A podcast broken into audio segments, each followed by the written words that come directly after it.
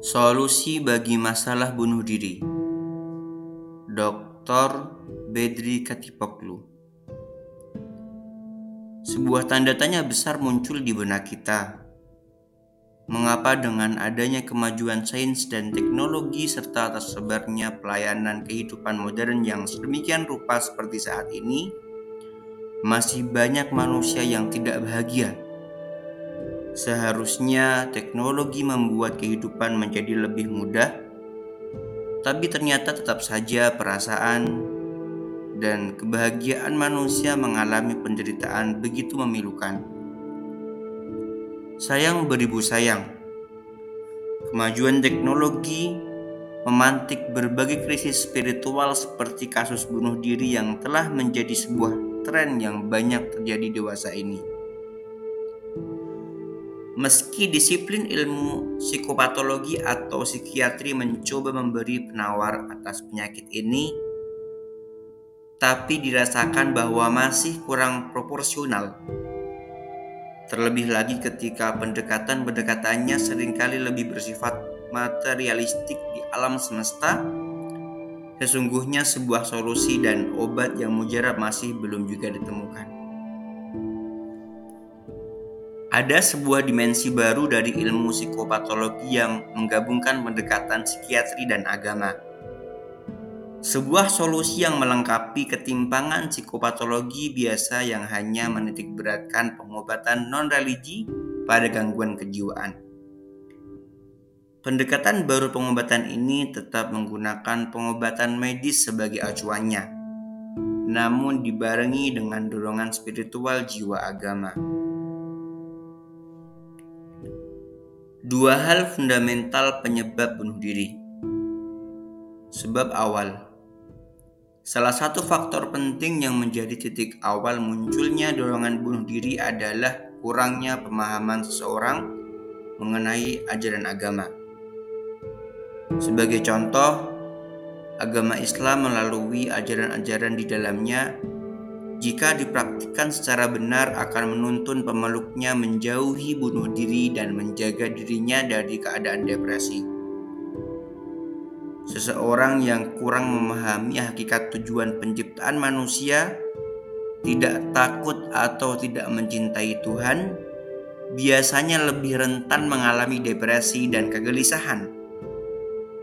Berbeda dengan orang yang sejak awal menyadari kehadiran Allah, merasakan bahwa dia lebih dekat bahkan daripada urat nadi tubuhnya sendiri. Maka ia akan berpotensi kecil mengalami depresi. Seorang yang benar-benar beriman sudah semestinya berusaha sekuat tenaga agar tidak membangkang terhadap perintah Tuhannya.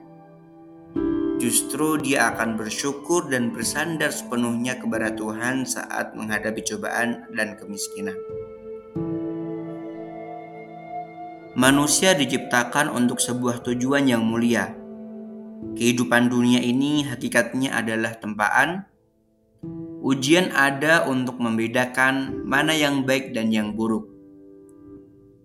Mereka yang beriman akan selalu tabah dan berusaha untuk memenuhi tujuan tersebut. Bahkan, dua kemampuan emosional ini sudah Allah berikan kepada manusia sejak awal penciptaan mereka yang memahami Al-Quran secara benar akan memiliki kemampuan lebih tangguh dalam menghadapi depresi. Ada bagian dari diri manusia yang disebut nafsu. Ia berpotensi besar mengajak manusia berbuat keburukan, kecuali mereka yang Allah rahmati. Jika nafsu tidak terdidik dengan benar oleh tempaan agama, ia akan berpotensi melakukan keburukan seperti keinginan bunuh diri dan tindakan membangkang. Bunuh diri merupakan hasil kerjasama antara nafsu dan bisikan setan yang mempengaruhi alam bawah sadar manusia untuk melakukan keburukan. Mereka yang mempunyai rasa takut kepada Allah dan terlatih mengontrol nafsunya akan selamat dari perangkap ini bisa jadi nafsu menurut pengertian Islam inilah yang disebut Sigmund Freud sebagai alam bawah sadar manusia yang penuh dengan keburukan. Mungkin inilah maksud dari gagasan The ID yang ia sampaikan. Karena Freud belum mengenal konsep nafsu menurut perspektif Islam. Hal inilah yang menyebabkan kurang tepatnya definisi nafsu yang dimaksudkannya. Sebab pemicu Kondisi lemahnya iman yang merupakan sebab utama bisa mengarahkan seseorang berpotensi rentan terhadap depresi dan kegelisahan. Islam melalui ajaran-ajarannya telah mencegah terjadinya hal ini dan pencegahan tersebut akan menjadi benteng terhadap keinginan bunuh diri. Faktor lain yang juga berperan besar memicu tindakan bunuh diri adalah kemiskinan dan kesedihan berkepanjangan. Bahkan dalam hadisnya Nabi Muhammad SAW pernah mengajarkan agar kita selalu berlindung kepada Allah dari kemiskinan. Pada orang-orang materialis yang suka berorientasi pada hal-hal duniawi, ketika ia gagal memenuhi tujuan finansial atau materi yang diinginkannya, maka akan rentan mengalami depresi dan berkeinginan melakukan tindakan bunuh diri. Meski bunuh diri dapat pula terjadi karena berbagai macam sebab, namun menurut saya, salah satu faktor terbesarnya adalah permasalahan ekonomi. Terlebih lagi sebab utama kasus perceraian misalnya, banyak terjadi akibat ketidakmapanan secara ekonomi. Akan tetapi meskipun bunuh diri tidak sejalan dengan martabat manusia yang diberikan amanah untuk memberdayakan dan memakmurkan bumi dan termasuk dalam tindakan membangkang kepada perintah Allah, sangat disayangkan angkanya selalu meningkat dari tahun ke tahun. Manusia dapat berkeputusan untuk melakukan bunuh diri dengan berbagai alasan. Jika dilihat pada beberapa data penelitian menunjukkan bahwa angka bunuh diri paling tinggi terdapat pada negara dengan paham komunis, kelompok sosial eks-komunis, dan pada kelompok masyarakat yang banyak menganut ateisme. Hal ini disebabkan oleh kurangnya asupan pendidikan spiritual dan agama, dan juga kebijakan pemerintahannya yang cenderung menanamkan paham ateisme dan anti-agama. Bagi negara-negara miskin dan berkembang, kemiskinan bisa menjadi alasan utama.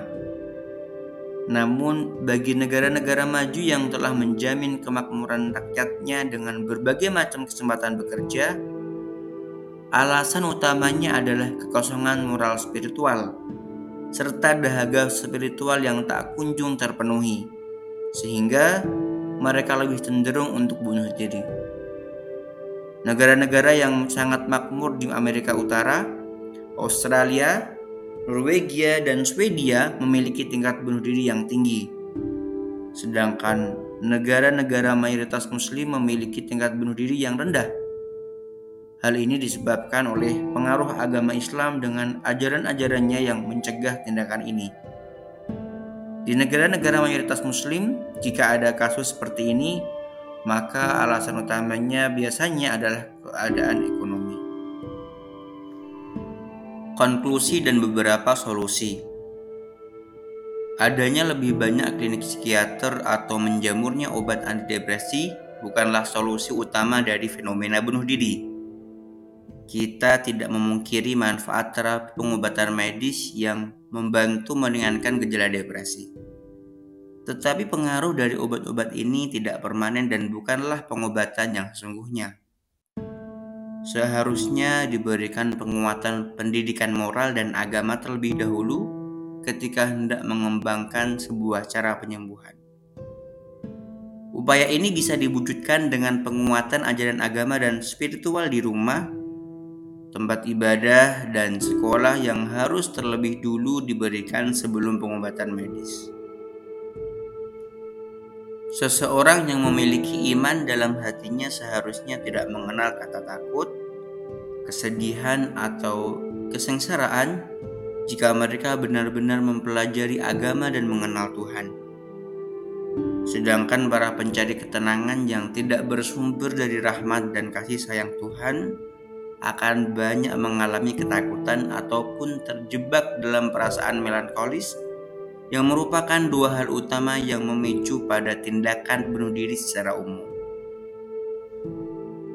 Orang yang mengalami depresi sebaiknya didorong untuk meningkatkan rehabilitasinya dari kegiatan yang tak bertujuan dan justru lebih aktif terlibat dalam kegiatan-kegiatan spiritual atau keagamaan yang lebih bermakna. Berdoa adalah kegiatan yang paling penting karena doa mengajarkan manusia agar melindungi diri dari keburukan dan bisikan setan.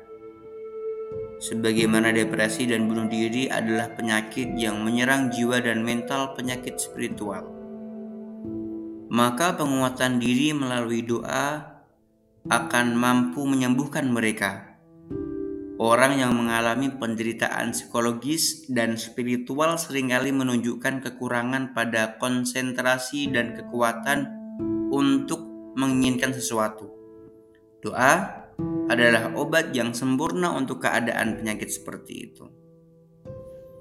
Sebagai tambahan, Rasa berserah diri dan penghambaan penuh yang dirasakan seseorang saat berdoa adalah puncak dari kegiatan meditasi dan refleksi. Quran Surah Al-Mu'minun ayat 1 2 menjelaskan bahwa penghambaan yang khusyuk saat berdoa, khususnya pada saat sholat dapat menyelamatkan seseorang dan memberikan ketentraman.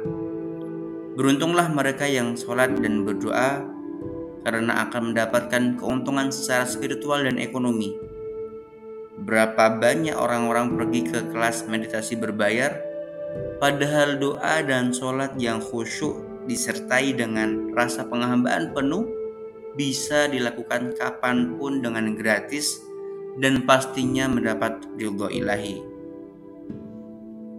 Sejatinya, Agama adalah perisai yang melindungi manusia dari keburukan bisikan setan, termasuk juga dalam hal ini keinginan bunuh diri.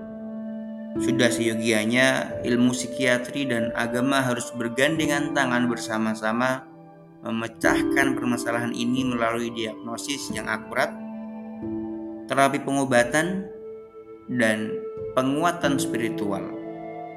Karena keberhasilan hanya bisa dicapai melalui kerjasama dari dua pendekatan ini.